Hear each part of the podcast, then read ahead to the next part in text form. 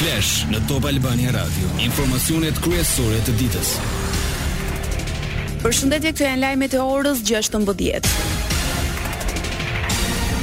Qeveria e nisi vitin me ndryshimet në legjislacionin kushtuar sezonit turistik me turizmin që do të vijojë të jetë në fokus, ministrja e Turizmit Mirela Kumbaro. Paralelisht, lehtësimi i procedurave shkon normal edhe me një kontroll të forcuar për të garantuar konkurrencë të ndershme, për të garantuar raport të ndershëm me tatimet në shtet dhe për të forcuar gjithashtu edhe masat administrative, disiplinore aty ku këto rregulla shkelen. Fusim gjithashtu disa dispozita që japin një rëndësi më të madhe dhe më të organizuar statistikave të dedikuara në turizëm si një ndër instrumentet më të rëndësishme për të matur ecurinë dhe për të parashikuar dhe organizuar politikëbërje në fushën e turizmit.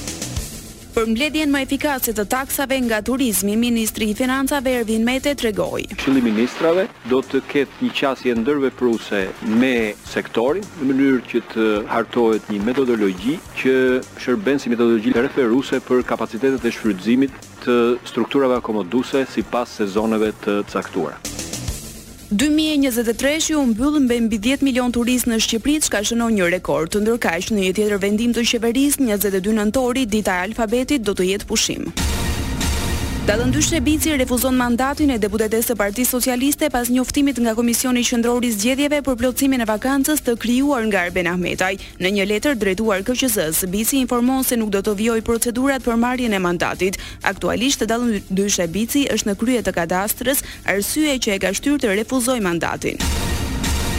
SPAK-u dërgoi për gjykim procedimin penal në ngarkim të pandehurit Gazmend Canaj, i akuzuar për kryerjen e veprës penale Korrupsioni aktiv në zgjedhje. Nga hetimet rezultoi se në zgjedhjet politike të rreth tre viteve më parë ka ofruar përfitime ekonomike që persona të ndryshëm të votonin në mënyrë të caktuar në mbështetje të një subjekti politik të përkrahur prej tij në qarkun Tiranë.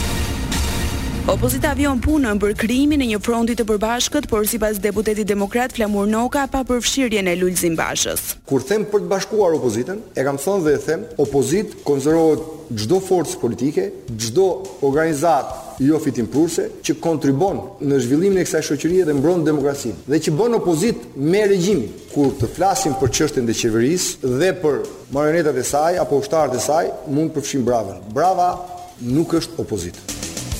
Nga grupi i deputetëve të Bashës, Noka nuk kishte ftesë vetëm për Enkelejd Alibeajn. Çdo individ tjetër që është demokrat dhe opozitar, përjashto Bravë Ali Bashën, do të jetë pjesë e punës tonë për t'u bashkuar dhe për të krijuar frontin apo federatën kundër këtij regjimi kriminal që kemi përballë. Në këtë bashkim përjashtohen vetëm dy pengjet, njëkohësisht mercenarët e Edi Ramës. Ndërsa një ditë më parë kryeministri Rama konfirmoi se nuk ka tërheqje nga ndryshimet në ligjin për komisionet hetimore, sot Noka theksoi se vazhdon aksioni opozitar. Lajmet në internet në adresën www.topalbaniaradio.com.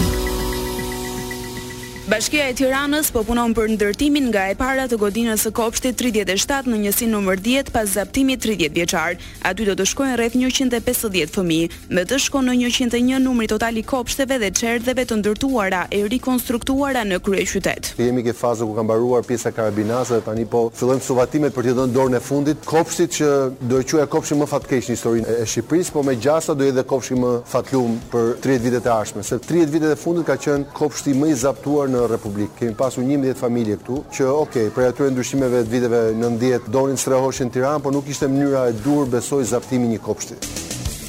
Kryebashkiaku Erion Veliaj sqaroi se njëmbëdhjetë familjet po adresohen me bonusin e qirasë dhe me strehim social. Ka një mënyrë për ta bërë gjënë siç duhet, pra për të gjetur strehim, po jo në kopshte dhe në çerdhe. Kështu që kemi rikuperuar këtë hapësirë, është një xhep mes pallateve. Ish-kopshti i zaptuar sot është liruar. Këtë vit Bashkia e Tiranës ka miratuar fondin më të madh për shkollat. Banorë të disa fshatrave në Postribë në protestë, sot ato kanë bllokuar rrugën që lidh këtë njësi administrative me Shkodrën, pasi ende nuk kanë marrë zgjidhje për problemin e shkaktuar nga një gurore që sipas tyre iu ndot ujin që konsumojnë, si dhe vazhdimisht iu shkakton dëme. Nuk është hera e parë që zgjedhin këtë formë proteste për të ngritur zërin për shqetësimet që kanë. Lajme nga rajoni. Kryeministri i Kosovës Albin Kurti tha se Asociacioni i Komunave me shumicë serbe nuk është kryeprioriteti për normalizimin e marrëdhënieve me Serbinë, por marrëveshja bazë mes dy vendeve. Kurti i bëri këto deklarata gjatë një konference me homologun e Irlandës, i cili u shpreh se asociacioni duhet të formohet, por jo duke krijuar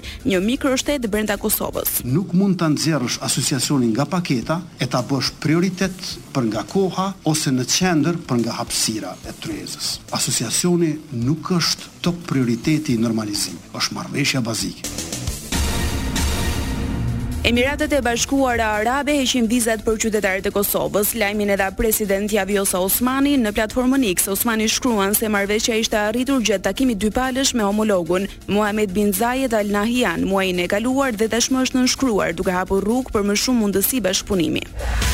Lajme nga bota. Një betejë ligjore nëse lufta e Izraelit kundër Hamasit në Gaza përbën gjenocid u hap sot në gjykatën më të lartë të Kombeve të Bashkuara me seanca dëgjimore. Afrika e Jugut iu bëri thirrje gjyqtarëve që të urdhërojnë pezullimin e menjëhershëm të veprimeve ushtarake të Izraelit që i mohon plotësisht akuzat për gjenocid.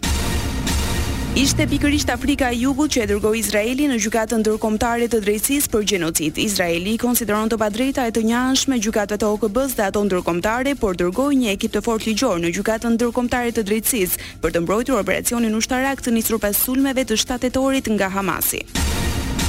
Kryeministri izraelit, Benjamin Netanyahu përsëriti se Izraeli nuk ka ndërmend të pushtojë përgjithmonë Rripin e Gazës ose të dëbojë popullsinë civile. Izraeli po lufton terroristët e Hamasit, jo popullsinë palestineze, në përputhje të plotë me ligjin ndërkombëtar, tha Netanyahu.